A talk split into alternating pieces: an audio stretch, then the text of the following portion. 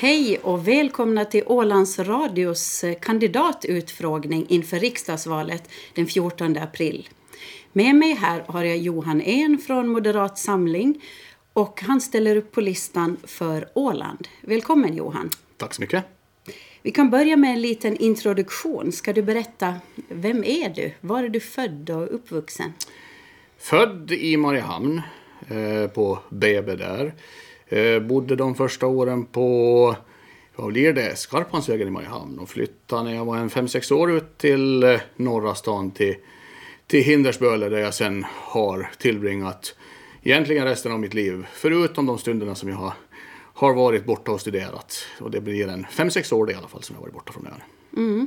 Du säger studera, vad har du för utbildning? Jag har läst på högskola i lite drygt fem år. Jag började med att vara först eh, två år uppe i Vasa. Läste där statskunskap nationalekonomi. Hade egentligen tänkt mig då att jag skulle, skulle redan då inrikta mig på att bli historielärare. Men eh, ett eh, dåligt resultat i ett matteprov i studentexamen gjorde att jag hamnade uppe i Vasa och läste statskunskap. Sen kom jag hem och jobbade lite som lärare och ställde upp i lite val. Och sen bestämde jag mig för att det var nog lärare jag ville bli. Så då kom jag in på Lärarhögskolan i Stockholm. Och då läste jag statskunskap, nationalekonomi och historia i tre och ett halvt år på Stockholms universitet kombinerat då med pedagogik på, på, på Lärarhögskolan. Men någon examen har jag inte lyckats att plocka ut ännu. Där har politiken kommit i vägen. Mm. Ja, vad är ditt yrke idag? Ja, alltså jag brukar säga att som, som, när, när jag ska skriva mitt yrke så då är jag lagtingsledamot för tillfället. Eh, jag har hållit på med politik nu i snart 16 år på heltid och nästan i 25 år med, om jag räknar med de år som jag håller på med, med kommunalpolitik också. Men samtidigt så har jag också här eh, mellan studierna jobbat eh, bland annat på Alarmcentralen i Mariehamn som alarmoperatör. Och jag har också jobbat under eh, nästan fyra år som eh, utbildningssamordnare vid Räddningsverket i Mariehamn. Och för tillfället så har jag faktiskt tagit mig tillbaka till, till det här med räddningstjänst och jobbar nu som eh, projektledare för att igångsätta ett ganska stort dataprojekt som Alarmcentralen har och jag är också på deltid TF alarmmästare där. Samtidigt som jag då sitter i lagtinget. Hinner du med någon fritid? Ja, det stora fritidsintresset finns egentligen i det som jag jobbar extra med nu då. Det finns inom räddningstjänsten. Jag har varit med i Strandnäs frivilliga brandkår sedan jag var 11 år gammal och där tror jag att jag kommer att finnas med också tills de antingen kastar ut mig eller jag av annan orsak inte längre kan vara med. Så att brandkåren är det stora intresset där och det är allt från då att vara med i det operativa arbetet till att jobba med ungdomssidan där då. Ungdomssidan har varit det som jag har ägnat ganska stor tid åt. Jag har varit både ungdomsledare i kåren och sen ungdomsledare för samtliga, för takorganisationen här på Åland. Och sen också under nästan fem år för takorganisationen för hela finlandssvenska arbetet. Mm. Okej, okay, nu har vi, har vi placerat dig här på kartan, lite di, dina personliga uppgifter. Men om vi ser på politiken, eh, när började du engagera dig politiskt? Alltså, det där är lite svårt att säga vad man ska räkna med med politik. För mig är politik när man är med och, och ser till att man påverkar sin omvärld och säger vad man tycker och så vidare. Och då får vi nog gå tillbaka till riktigt på allvar så var det väl i högstadiet. Eller jag var aktiv redan då i elevrådet. Samma sak blev det i Lusse när jag kom dit. Jag kom in i direktionen där. Började också engagera mig då i det som kallades för Frisinnad ungdom som, som då var den, den borgerliga ungdomsorganisationen som, som fanns just då. Och sen rullade det vidare och vidare och vidare. Eh, jag verkligen brinner för det som är politik. Det finns liksom i blodet på mig på något sätt.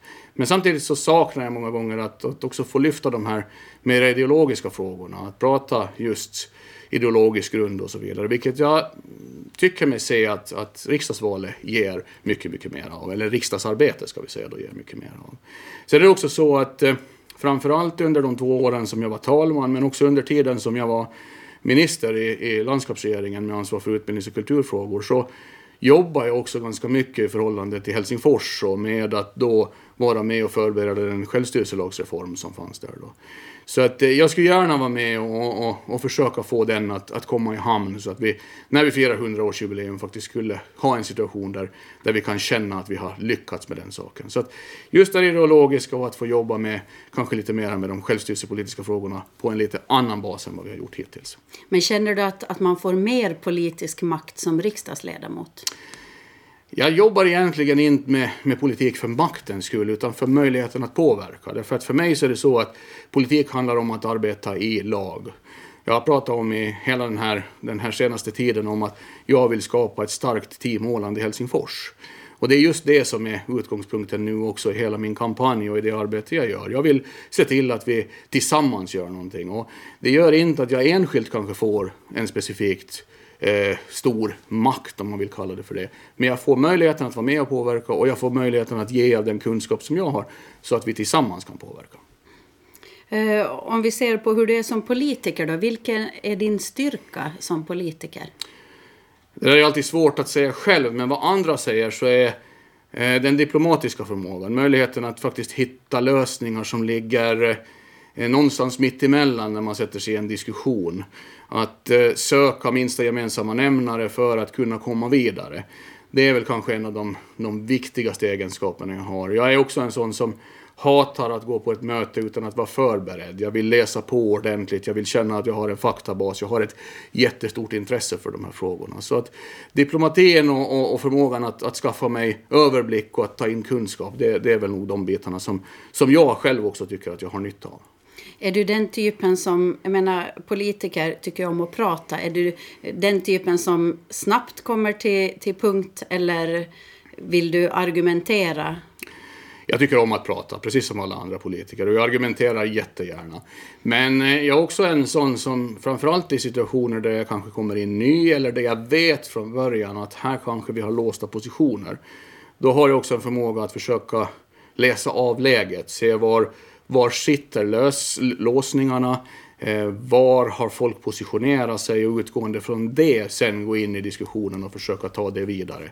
Jag kan emellanåt känna att jag kanske får ge avkall på mina egna åsikter i väldigt hög utsträckning i det sammanhanget när man ska hitta den här lösningen. Man måste liksom man måste ta ett steg tillbaka och försöka se till helheten istället för att se det som man själv har. Så under de här senaste åren så har jag försökt att, att, att stärka just den här delen. Att även fast man går in och kompromissar, vara tydlig med vad jag själv vill. Och ha med det också hela vägen i, i den diskussionen som, som, som, som då ska föras för att man ska nå i mål. Men jag borde vara lite mer bestämd många gånger. Det ska jag nog säga att det är, tillhör det som är min svaghet i det här sammanhanget. Vilka frågor skulle du mest arbeta för i riksdagen om du blev vald? Det är egentligen två, två saker. För det första så, så har riksdagsledamoten under årens lopp fått en väldigt viktig position som eh, en slags Ålands ambassadör. Som är eh, Ålands eh, eh, person på plats i Helsingfors som kan hjälpa lagting och landskapsregering att eh, nå framgångar när det gäller frågor som finns på axeln Helsingfors-Mariehamn där man måste komma överens. Som till exempel den här stora självstyrelselagsreformen nu. Så det ser jag nog som den absolut största utmaningen här framåt nu då. Att där tillsammans med, med landskapsregeringen, med lantrådet i spetsen och med den kommande, det kommande lagtinget och, och den kommande lag, talmannen i spetsen eh, bilda det här starka Team Åland tillsammans med våra tjänstemän så att vi faktiskt kan nå ett resultat när det gäller självstyrelselagen. Samtidigt så när det gäller Finland så det som är väl det kanske största utmaningen utöver att vi har en utmaning när det gäller klimatet för hela, ja, hela klotet egentligen så har också Finland en specifik utmaning med att se till att få en ekonomi som gör att man ska klara välfärden i framtiden och som gör att man också ska kunna klara av att möta de klimatutmaningar man har. Och där är A och O att vi ser till att flera kommer i arbete, har möjlighet att göra det och då handlar det väldigt mycket om att dels titta på hur arbetsmarknadsreglerna ser ut idag och dels också titta på hur beskattningen ser ut idag. Jag tror att det finns en hel del att göra. Så att de frågorna tror jag är viktiga. Plus att vi vet också att nu har just en reform kring social och hälsovården ramlat ihop på, på, på, i Helsingfors. Den måste göras om vi ska klara av att producera välfärdstjänster i framtiden också. Och här hoppas jag kunna vara med, även om jag bara är en liten, liten kugge i det sammanhanget, och föra ett resonemang som kan, kan vara med och bygga lösningar som sen, sen kan komma vidare på ett, på ett bra sätt. Men om man ser då på Finlands ekonomi, eh, det som påverkar Åland är ju förstås klumpsumman. Finns det någon, hur, hur tänker du arbeta för klumpsumman? Där tycker jag att vi har gjort ett, ett bra jobb tillsammans också tidigare. Och det, det arbetet tänker jag fortsätta med. Det är inte riksdagsledamotens roll att eh, ha en egen agenda när det gäller hur vi jobbar med utvecklingen av självstyrelsen eller hur det gäller att, att hitta nya former för hur vi ska beräkna de pengar som kommer från Helsingfors till Mariehamn för att finansiera den självstyrelse vi har. Utan där kommer jag att göra det här i ett mycket nära samarbete med landskapsregeringen och lagtinget. Så att det som man har kommit överens om här på hemmaplan, det kommer också att vara det som jag kommer att se till att föra fram i Helsingfors och hitta vägar för att nå fram till. Hur ska man rädda Finlands ekonomi? Du var inne redan på det, men ser du skattehöjningar, skattesänkningar? Jag tror att det är så att, att det är en kombination som måste göras i det här sammanhanget. Alltså, det är att man då har tittat på en reform av eh, social och hälsovårdsväsendet i Finland. Det gör man ju därför att man inser att om man, om man i framtiden ska kunna erbjuda fortsatt lika god service och ha råd med det så måste man göra det på ett effektivare sätt. Så man måste fortsätta att jobba med en lösning som kommer att vara effektivare än den man har idag. Hur den exakt ska se ut, det kan inte jag svara på. Jag tror att det är ganska få av de kandidater som ställer upp till riksdagen nu som exakt kan visa på de bitarna. Men vi vet att partierna har olika alternativ där. När det gäller sen eh, det att få fart på ekonomin så handlar det ju framförallt om att se till att eh, vi har människor, som jag var inne på, i arbete. Att människor får ett jobb som gör att de kan tjäna sitt uppehälle och som gör att de också kan konsumera och hålla hjulen igång. Och då handlar det mycket om dels hur regelverket ser ut på arbetsmarknaden. Det kan handla om vad det är för kostnad för, för att eh, ha personal anställd. Men inte minst någonting som en undersökning som YLE presenterade här för, för en månad sedan drygt, så handlar det också om att skattetrycket på arbete måste ner. För om vi jämför oss med det skattetryck som man har på andra ställen i, i, bara Norden så är det mycket högre i Finland. Det skiljer till exempel nästan 700 euro i disponibel inkomst på samma inkomstnivå som man får ut från sin arbetsgivare men till den disponibla på nästan 700 mellan då Danmark och, och, och Åland. Så här måste man göra någonting. Och du då, menar alltså lägre skatter? Där betyder det lägre skatt, men det behöver i sin tur användas Eh, kan vi då sen växla, växla skattesystem så att vi vet ju att vi behöver också intäkter för att klara av att producera välfärdstjänster i framtiden. Och då handlar det om att eh, eh, vi har den andra stora utmaningen som jag är inne på, klimatfrågorna och miljöfrågorna. Och då ställer vi om skattesystemet så att man istället för att ta in skatt på förvärvsinkomster så lägger man över det på framför allt sånt som handlar om miljöförstörande verksamhet och sånt som då spyr ut Eh, Eh, klimatgaser som gör att vi, får ett, en, går mot ett ännu sämre klimat framåt. Och på det här sättet så kan man balansera upp ekonomin och göra både så att vi får en, en bättre ekonomi och vi jobbar med de här klimat och, och ekonomi, äh, miljöfrågorna samtidigt. Men menar du då höjda bensinskatter? Ska företagen som producerar avgaser eller utsläpp, ska de få höjda skatter? Det är ungefär det jag ser, alltså att vi har ju ett, vi har ju ett miljöskatte och miljöavgiftssystem idag. Det är där man måste gå in och titta på, på vilka områden har vi den största effekten i att då höja dem för att samtidigt då se till att, att man kanske håller tillbaka eh, användningen av just de bitarna. Jag vill inte vara specifik och säga att det är just bensinskatten som ska höjas. Det jag vet är att om vi ska nå framgångar när det gäller till exempel eh, utsläppen av klimatgaser så måste vi se till att användningen av till exempel fossil, fossila bränslen minskar. Och då måste man ha en sån skattepolitik där att det lönar sig att använda sig av icke-fossila bränslen, i, eh, bränslen som, in, som är förnyelsebara och som inte släpper ut koldioxidgaser. Så det är liksom det här arbetet som man då måste göra under den här tiden. Och jag tycker mig se spår i det här, avspår i det här nu när jag följer med vad de, de, de, de riksdagspartier som finns i uppställda i valet också på andra sidan. Så jag tror helt klart att man kommer att hitta, hitta samarbetspartners där som tycker lika som, som jag gör. Mm. om vi ser på ännu en stor miljöfråga, det är Östersjöns tillstånd. Vad tycker du att det är viktigast att genomföra? Det som är det absolut viktigaste i det sammanhanget tror jag man hela tiden måste komma ihåg är att det enskilda landet har ett jättestort ansvar att våga, våga göra åtgärder. Och åtgärderna i det här fallet när det gäller Östersjön är att se till att de övergödande ämnena, framförallt fosfor, minskar. Eh, men att ett land minskar på sitt, till exempel genom att man skulle begränsa fiskodlingen på ett ställe och samtidigt så gör man inte det på ett annat ställe runt Östersjön så kommer ju det, det totala utsläppet inte att minska. Och då är samarbete i de organ som finns redan på plats idag, det absolut viktigaste. Och där är Helcom som jag vill lyfta fram som kanske det absolut viktigaste i det här sammanhanget. Där, där man tillsammans med de övriga Östersjöländerna får komma överens om hur ska vi gå vidare här för att vi ska se till att det totala utsläppet i Östersjön faktiskt minskar. Och Helcom har gjort ett jättejobb i de här sammanhangen. Man har dels sett till att man tillsammans har kommit överens om vilka nivåer som ska få släppas ut. Man har gjort projekt i att man har hittat eh, stora utsläppskällor till exempel i Sankt Petersburgsområdet där man gemensamt har satsat. Och man har också satt fokus på att se till att få bort utsläpp från kryssningsfartyg och andra som då har tidigare släppt ut orenat vatten, avloppsvatten rakt ut i Östersjön. Hur ser du den här framtida energiproduktionen i Finland? Jag tror att, att, att man måste eh, hitta vägar till att ställa om här. Och här tror jag mycket på att, det, att eh, också innovationer och forskning kommer att vara väldigt avgörande i det sammanhanget. Det vill säga att det gäller nu för Finland också att, att vara med och satsa på högskoleutbildningar, universitet som gör att vi får fram eh, Eh, människor som har nya kunskaper också på energiområdet. Men det som är det absolut viktigaste när det gäller energin, det är ju att vi växlar om från att använda oss av sånt som släpper ut eh, växthusgaser till att vara energiformer som är förnyelsebara. Här på Åland har vi jobbat väldigt mycket med vindkraft. Jag vet att på, på, på, på, på rikshåll har man också jobbat en hel del med till exempel solen som, som en, en kraftgivare. Och det är precis just den vägen man behöver gå. Och jag tror också att man ska vara försiktig med att i ett för tidigt skede, som, som till exempel Tyskland gjorde, fasa ut kärnkraften.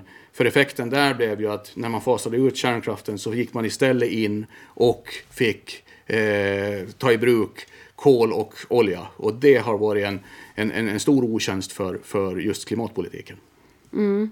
Eh, säkerhetspolitiken då? Vi har Ålands demilitarisering och neutralisering. Eh, är det någonting självklart eller borde, det, borde man fundera om där? Eh, för mig är det, en, är det helt självklart att det, det systemet ska bestå. Börjar man röra i någon av de här då kommer också den här lösningen, Ålandslösningen, att omedelbart kunna anfallas från andra håll också. Men vem Så, försvarar oss om det blir skarpt läge? Ja, då måste man ju se vad, vad hela, den här, det här, hela det här systemet, hur det fungerar. Det är ju så att Åland är demilitariserat i fredstid. Det betyder att här får inte finnas några som helst militära styrkor under fredstid.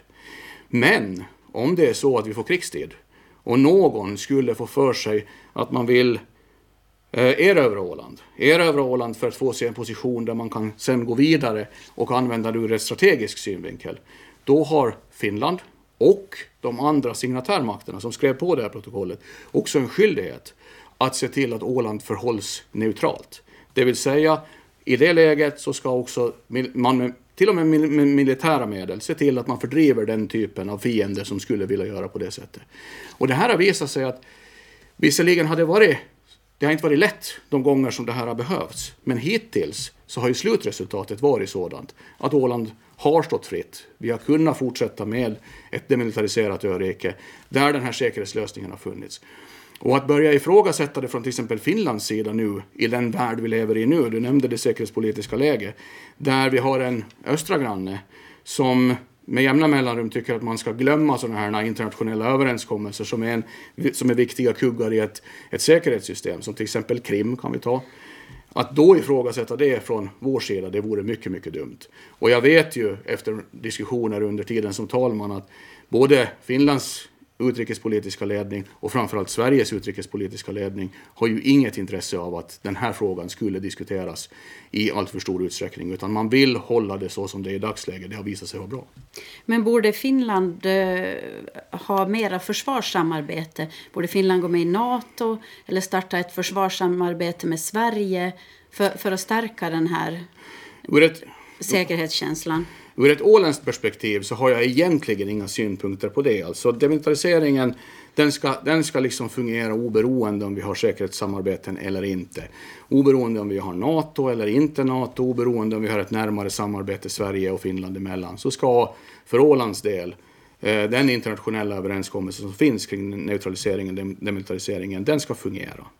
Ur ett finländskt perspektiv så har jag svarat på de frågorna nu också i det här sammanhanget. Att jag tror att det kan finnas en nytta för Finland att finnas med i ett försvarssamarbete också, just med tanke på den grannen man har i öster. Vilket försvarssamarbete? Ja, det är NATO i det sammanhanget som jag ser att det kan finnas en nytta av. Jag säger inte att Finland med nödvändighet måste göra det. Jag tror inte att det kommer att vara någonting som Finland kommer att ta ställning till under den kommande mandatperioden. Men jag tycker också att man måste vara öppen för att just föra resonemanget, vad kan vara den bästa vägen? Vi vet att EU har utvecklats mer mer och mer också i det att man, man hjälper och stöder varandra. Vi såg här under terrorattacker som har varit i, i både Frankrike och andra länder att man där har gått in och stöttat varandra med olika typer av säkerhetspolitiska åtgärder också. Mm. Eh, krig för ju också med sig eh, flyktingar och ännu så finns det ju stora flyktingläger runt om i Europa. Hur ska Finland eh, göra där? Vi har tagit emot flyktingar. Ska vi ta emot fler? Ska vi ta emot färre? Jag tror att, att för det första så är det här återigen precis på samma sätt som miljö miljö och klimatfrågorna någonting som man måste samarbeta kring. Det finns inte en enskild part som kan göra allt, men alla kan göra lite. Finland har i det här läget gjort ganska lite. Det har blivit bättre under de här, de här senaste åren, men Finland har internationellt och framförallt i ett europeiskt perspektiv gjort lite. Om vi jämför med till exempel Sverige som har dragit ett tungt last tillsammans med Tyskland. Så du menar Så att vi kan ta emot fler? Vi kan, vi kan absolut ta emot fler. Och det jag tycker där är att det man borde göra det är att utveckla eh, kvotflyktingsystemet i världen. Alltså där man ser till att man faktiskt samarbetar kring att kunna hjälpa de som faktiskt är värst utsatt. Det att vi har ett asylsystem, det kommer alltid att finnas där. Men där blir det ofta så att det är de starkaste som lyckas ta sig vidare och få den här hjälpen. När vi använder oss av kvotflyktingsystemet, då får vi ett rättvisare system. Ett system där vi faktiskt också tittar på internationellt tillsammans med FN hur de här hjälpbehoven ser ut och kan fördela det på ett vettigare sätt. Så att jag tror på, på det som har diskuterats också, både i Finland under den här senaste mandatperioden, men också i EU som stort, att det, det är kvotflyktingsystemet som borde vara nyckeln till att kunna komma vidare på det här. Och kvotflyktingar är alltså när man eh, väljer ut och hämtar hit. Ja. Och med asyl är när de kommer till oss och knackar på dörren ja. så att säga. Och med det här kvotflyktingsystemet så får vi en helt mycket bättre överblick när de kommer, vad de har för bakgrund, man kan liksom kartlägga det här på ett bra sätt så att också de insatser som man gör för att integrationen ska fungera eh, också blir tillräckliga och tillräckligt bra. Därför att det vet vi också att det som har varit Sveriges stora problem, utöver att man har tagit väldigt mycket, det är ju det att man måste i det sammanhanget när man ska integrera människor förse de människor som kommer till ett land med egentligen två saker.